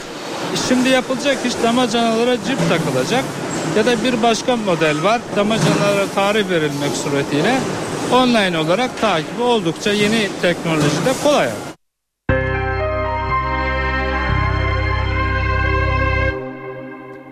Ayşe teyze ne yapsın köşesiyle devam ediyoruz. Profesör Güngör Uras bu sabah şans oyunlarından söz edecek.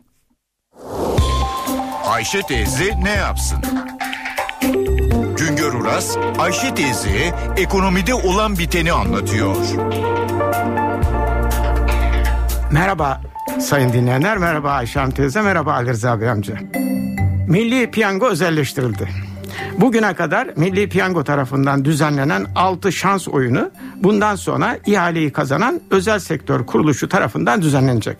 Bu 6 şans oyunu piyango idi. Hemen kazan, sayısal loto, şans topu, 10 numara ve süper loto diye isimlendirilen oyunlardı. İhale şartnamesine göre bu ihaleyi kazanan işletmeci kuruluş 6 şans oyununa ek olarak yeni oyunlar da düzenleyebilecek. Böylece şans oyunu pazarı büyütülecek. Milli Piyango Türkiye'de şans oyunları pazarında faaliyet gösteren tek kuruluş değildi. İki büyük kuruluş daha var. Spor Toto'dan alınan imtiyaz ile iddia oynatılıyor. Jockey Kulübü at yarışları düzenliyor. Tüm şans oyunlarına Türk halkı 2012 yılında 11,5 milyar lira para akıttı. Şans oyunları pazarında en büyük payı %55 ile iddia alıyor. %25 ile at yarışlarının payı var. Milli Piyango'nun payı ise %20 dolayında. Milli Piyango'yu işletecek özel sektör kuruluşu yeni oyunlarla pazarı büyütecek. Şans oyunlarında vergi alacak olan maliye için şans oyunları pazarının büyümesi iyi bir şeydir. Geliniz görünüz ki şans oyunu pazarına halkın cebinden aktarılacak para halkın gelirindeki artıştan büyük olur ise aile bütçelerine yük getirir ise sosyal sorunlara neden olabilir. Bu nedenle şans oyunları pazarının büyümesi sosyal bakımdan üzerinde dikkatle durulması gereken bir gelişmedir. Bir başka söyleşi de birlikte olmak ümidiyle şen ve esen kalın sayın dinleyenler. Uras'a sormak istediklerinizi ntvradio.ntv.com.tr adresine yazabilirsiniz. Bir küçük ara vermeden önce piyasalara da bakalım. BIST 100 endeksi dün %2,45 oranında değer kaybetti. 82.156 puandan günü tamamladı. Bu sabah dolar 2.14'ün üzerinde, euro 2.86'da işlem görüyor. Euro dolar 1.34, dolar yen 103 düzeyinde. Altının onsu 1283 dolar, gram altın 88, çeyrek altın 145 lira. Brent petrolün varili 106 dolar. İsrail ile Hamas 3 gün sürecek ateşkes konusunda anlaştı. Başbakan Recep Tayyip Erdoğan cesaret madalyasını geri isteyen Amerikan Yahudi Kongresi'ne eğer bu soykırıma destek veriyorsanız alın ödülünüzü başınıza çalın dedi. CHP Genel Başkanı Kemal Kılıçdaroğlu Başbakanı İsrail'e gerekli tepkiyi verememekle suçladı. Malatya'daki Kürecik istasyonu kapatılsın dedi. MHP Genel Başkanı Devlet Bahçeli de uluslararası toplumun İsrail saldırılarına sessiz kaldığını söyledi. Milli Eğitim Bakanlığı temel eğitimden orta öğretime geçiş sınavına giren 1 milyon 271 bin öğrencinin yüzdelik dilimlerini yeniden hesapladı. İstanbul Sultan Gazi'de iki grup arasında çıkan silahlı çatışmanın arasında kalan 16 yaşındaki bir genç yaşamını yitirdi. Şiddet gören ve hayati tehlikesi olan kadınlar 11 Avrupa ülkesinden birine sığınabilecek. Lösemiye yenik düşerek hayatını kaybeden sanatçı Murat Göğebakan'ın cenazesi bugün İstanbul'da kılınacak cenaze namazının ardından memleketi Adana'ya gönderilecek. Cumhurbaşkanı adaylarının seçim gezileri devam ediyor. Başbakan Erdoğan dün Van ve Mardin'de konuştu. Hedefinde rakipleri Ekmelettin İhsanoğlu ve Selahattin Demirtaş vardı. İhsanoğlu'na İstiklal Marşı üzerinden yüklendi. Demirtaş'ı ise Kürtçülük yapmakla suçladı. Başbakan Recep Tayyip Erdoğan Van mitinginde rakibi Ekmelettin İhsanoğlu'nu hedef aldı. İhsanoğlu'nu İstiklal Marşı'nı bilmeyecek kadar millete uzak olmakla suçladı. Akif'in kabrinin başında yazılı olan bu dörtlüğü okuyor. Bu dörtlük Çanakkale şehitleri şiirinden herhalde diyor. İstiklal Marşı'nı bilmeyen adaya CHP'liler, MHP'liler oy mu verecekler? Senin profluğuna da yazıklar olsun. Babamın arkadaşı dediğin Akif'e yaptığın bu saygısızlığa da yazıklar olsun. Erdoğan Mardin mitinginde ise HDP adayı Selahattin Demirtaş'a yüklendi. Güzel bağlama çalıyormuş. Yozgat sürmelisini de bağlamayla çalmasını öğrensin. 10 Ağustos'tan sonra CHP, MHP adayını da yanına alsın. Dersini almış da ediyor ezber türküsünü hem çalsın hem söylesin. Başbakanın gündeminde emniyette paralel yapı iddialarına ilişkin başlatılan soruşturma da vardı. İstanbul Adalet Sarayı'ndaki şovlarını izliyorsunuz değil mi? Tuzluk milletvekilleri var. Onların orada yaptıkları şovları da izliyorsunuz değil mi? Biz size ne dedik? İnlerine gireceğiz dedik. Ve işte inlerine giriliyor. Başbakan Mardin mitinginde Kur'an-ı Kerim'in Kürtçe'ye çevrilmesine de vurgu yaptı. 12 yıl önce Kur'an'ın Kürtçe meali basılacak denilseydi inanır mıydınız? Adım adım yasakları kaldırıyoruz. Cumhurbaşkanlığı seçimleri için Yüksek Seçim Kurulu tarafından belirlenen seçim yasakları da başladı. Başbakan Erdoğan Van'da da Mardin'de de sivil plakalı bir otomobil kullandı. Seyahatlerini özel bir şirketten kiralanan uçakla yaptı. Başbakan Erdoğan'ın Van'daki mitingini protesto eden bir grupla polis arasında gerginlik çıktı. Göstericilerin attığı taş iki polisi yaraladı. Mitingin ardından Cumhuriyet Caddesi üzerinde toplanan 600 kişilik bir grup slogan atarak yürüyüş yapmak istedi. Göstericiler polisin dağılın uyarısına taş atarak karşılık verdi. Ekipler gruba tazikli su ve biber gazıyla müdahale etti. Göstericilerin attığı taşların isabet etmesi sonucu iki polis yaralandı. Bir kişi gözaltına alındı. Cumhurbaşkanı adayı Selahattin Demirtaş seçim turu kapsamında Hatay ve Mersin'deydi. Birlikte yaşama vurgusu yapan Demirtaş, Çankaya'yı garanti olarak görenlere ders verelim dedi.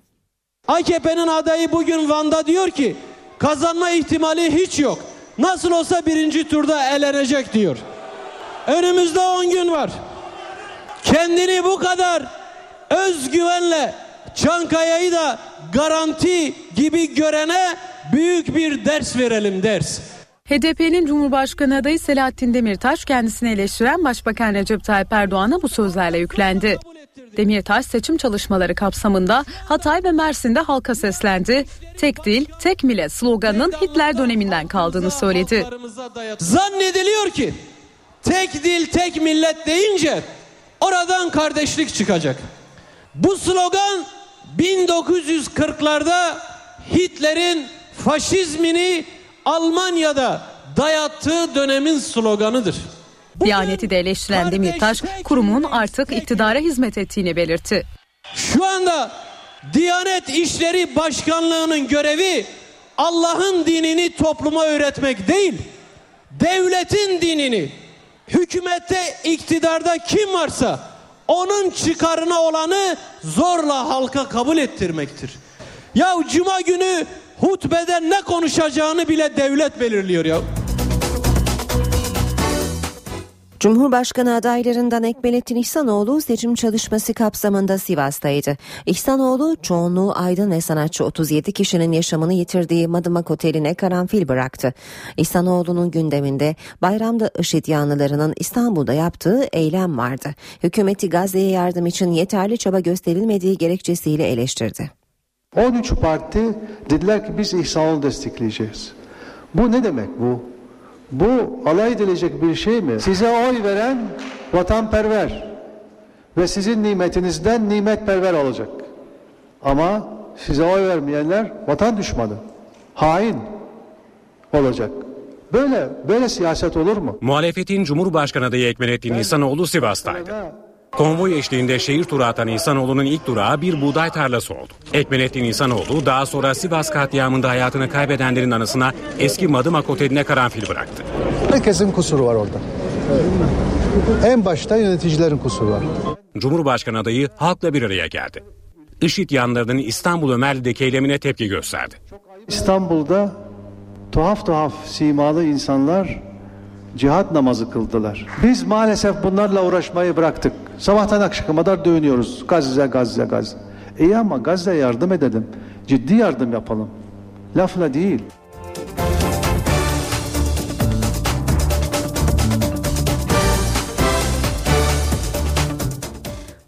Yüksek Seçim Kurulu yurt dışında oy verme işleminin ilk gününde katılımın düşük olduğunu açıkladı. Bu nedenle AK Parti oy kullanımının kolaylaştırılması için Yüksek Seçim Kurulu'na başvurdu. Ancak bu talep reddedildi. AK Parti gurbetçilerin Cumhurbaşkanı seçimi için randevu almadan sandık başına gitmesi için Yüksek Seçim Kurulu'na başvurdu. Ancak Yüksek Seçim Kurulu bu başvuruyu reddetti. Randevu almayan vatandaşlarımızın randevularını sistem verdi. Kendileri e, Yüksek Seçim Kurulu'nun YSK.gov.tr adresine e, sitesine girmek e, suretiyle hangi gün, e, nerede, hangi sandıkta oy kullanacaklarını e, öğrenebilirler. Randevu gününü kaçıran vatandaşlarımız ne yapacaklar? Bununla ilgili de e, sadece yapabilecekleri tek şey gümrüklerde oy kullanmak. Yurt dışında yaşayan Türkler Cumhurbaşkanı seçiminde oy kullanmak için YSK'dan randevu alıyor.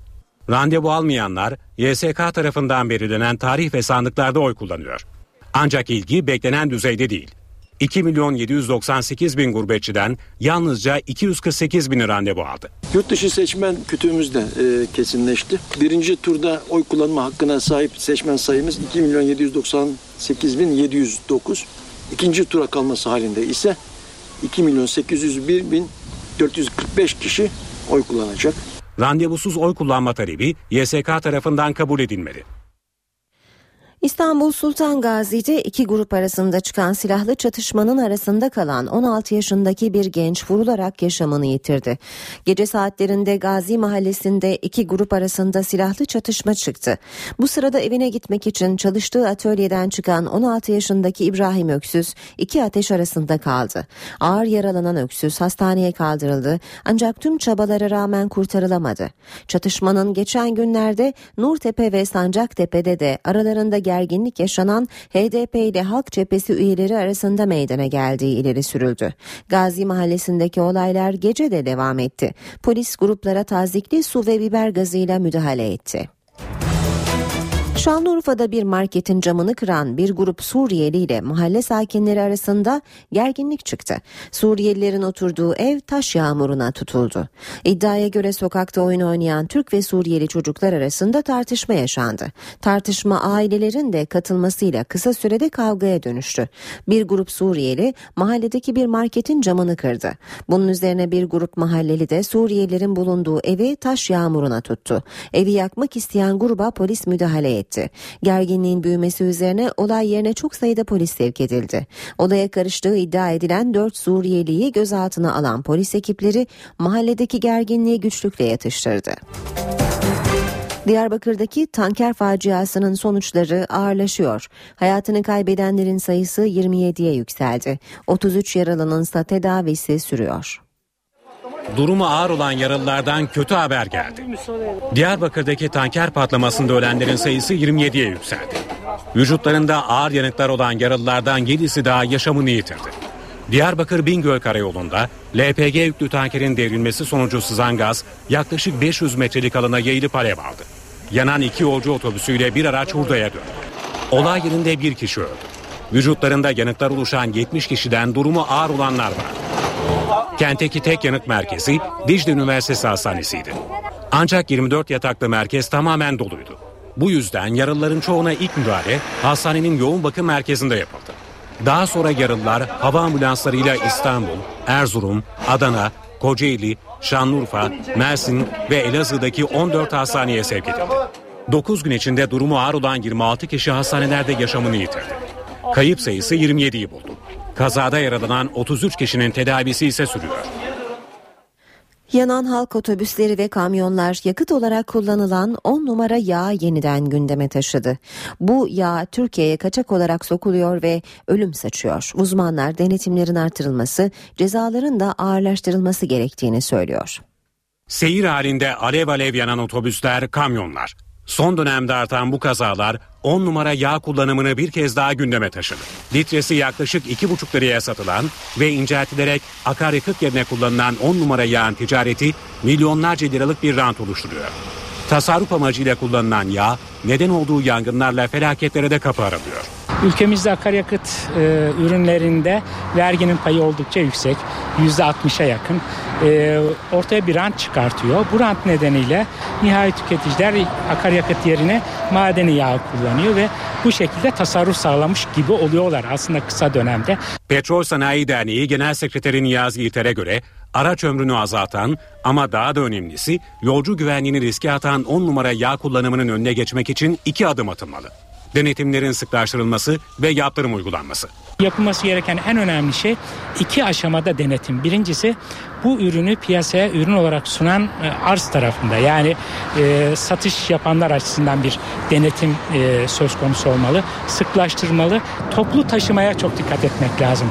Toplu taşıma, nakliye e, araçları e, ve bir de belki servisler, servis araçları. En önemlisi o. Evet servis araçları.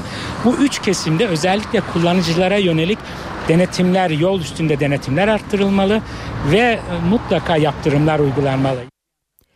Uyarılar, önlemler kar etmedi. Bayramda trafik kazalarında ölenlerin sayısı yüzü geçti. 4000'in üzerinde de yaralı var. Ramazan bayramı tatilinde kazaların bilançosu ağır. 4 günde 108 kişi hayatını kaybetti. 4002 kişi de yaralandı. Emniyet Genel Müdürlüğü'nün verilerine göre Ramazan bayramı tatilinin ilk 4 gününde 84'ü ölümlü, 1824'ü de yaralamalı kaza yaşandı.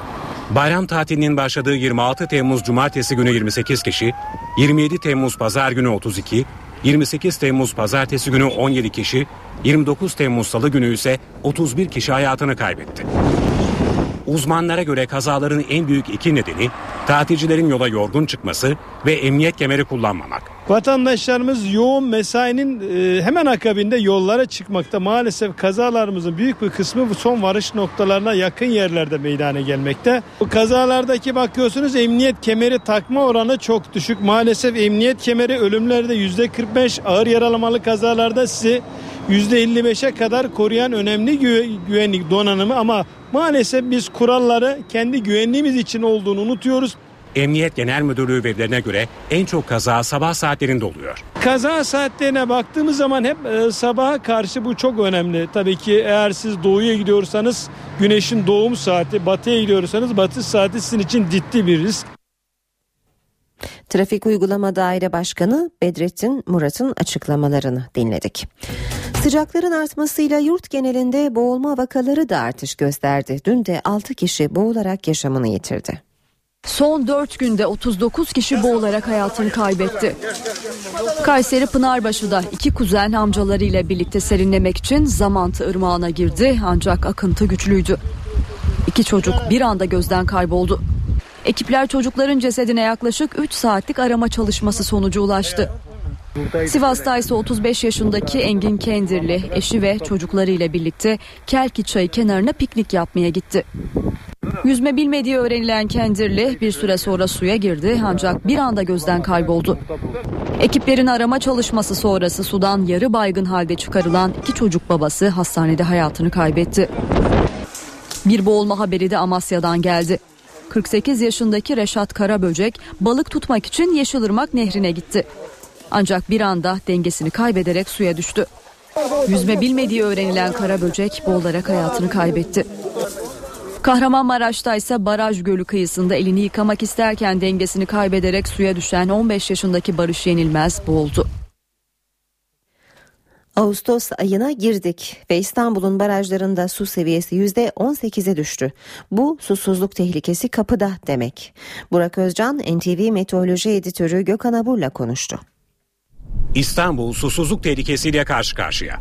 Kış aylarında yeterli yağış olmadı. Yaz döneminin de sıcak geçmesiyle barajlardaki su seviyesi %18'e kadar düştü. İstanbul barajlarında bir yıl önce bugün %75 oranında olan doluluk seviyesi şimdi %18'lere kadar gerilemiş durumda. Biz o barajlardan bir tanesinde Ali Beyköy Barajı'ndayız. Normalde suyla dolu olması gereken alanda artık inekler otluyor. İstanbul için bir susuzluk tehlikesinden bahsetmek e, mümkün mü? E vallahi tabii mümkün yani hızlı bir şekilde kullanılırsa ve e, şayet o beklediğimiz kısa süreli yağışlar da olsa en azından kullandığımız suyu takviye edecek düzeydeki yağışlar da gelmezse ki Ekim'de şayet beklediğimiz yağışlar gelirse belki biraz nefes alabiliriz. İstanbul'un nüfusu ve kentleşme de su seviyesindeki düşüşü tetikleyen faktörlerden. %21'lere kadar çıkmıştı bayramdan önce. Ee, hem e, İstanbul'da nüfusun azalmış olmasına rağmen bayram nedeniyle e, havanın sıcak olması, rüzgarın zaman zaman sertleşmesi buharlaşmaya etki eden bir faktör. Nüfusu çok hızlı artan bir ilimiz. Yapılaşma çok fazla. Yapılaşma çok fazla olduğu için e, bulutlar yeteri kadar yağış bırakamıyorlar. So soğuyamıyor. Her taraf beton. Yeşil alanlar tabii İstanbul'u toprakları çok dar olduğu için her geçen gün yeşil alan daraldığı için e, dolayısıyla yüzde ikilere kadar düştü kişi başına düşen yeşil alan. E, bunların hepsi tabii etki eden faktörler. Kısa vadede mutlaka tasarruf etmemiz lazım.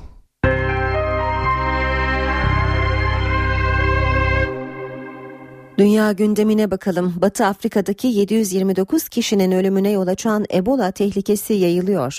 Sınır tanımayan doktorlar örgütü bütün hükümetlere hastalıkla mücadele çağrısı yaptı. Liberya'da tüm okullar kapatıldı. Virüsün dayandığı fil dişi sahili de alarmda. Ebola virüsü öldürmeye devam ediyor. Gine'de başlayan, Liberya ve ardından da Sierra Leone'ye sıçrayan virüs yüzlerce can almış durumda. Sınır tanımayan doktorlar örgütü tüm hükümetlere örneği görünmemiş bu salgınla mücadele etme çağrısı yaptı. Örgüt salgının kontrol altına alınamadığına ve mevcut durumun gittikçe kötüleştiğine dikkat çekti. Sınır tanımayan doktorlar örgütü hastalığın pek yakında farklı ülkelere de sıçrayacağı uyarısında da bulundu. Liberya hastalıkla mücadelede radikal önlemler açıkladı. Ülkedeki bütün okullar kapatıldı. Çok önemli görevlerde olmayan devlet memurları 30 gün izne çıkarıldı. Bazı bölgeler karantina altına alındı orduya önlemleri uygulaması emri verildi. Sierra Leone'de kamu sağlığında olağanüstü durum ilan etti. Devlet Başkanı Öns Bayi, güvenlik güçlerinin Ebola'nın görüldüğü yerleri karantina altına alacağını açıkladı. Hastalığın dayandığı fil dişi sahibi de alarmda. Tehlikenin farkındayız. Hastalıktan etkilenen ülkelerle sınırımız var. Yani ciddi bir riskle karşı karşıyayız. Salgının ülkemize gelmemesi için bütün önlemleri alıyoruz. Sağlık çalışanları bu savaşta ön cephede. Hastalıkla mücadelede birçok sağlık çalışanı da ya virüs nedeniyle hayatını kaybetti ya da yaşam savaşı veriyor. Vücut sıvılarıyla bulaşan Ebola virüsü %90 oranında öldürüyor.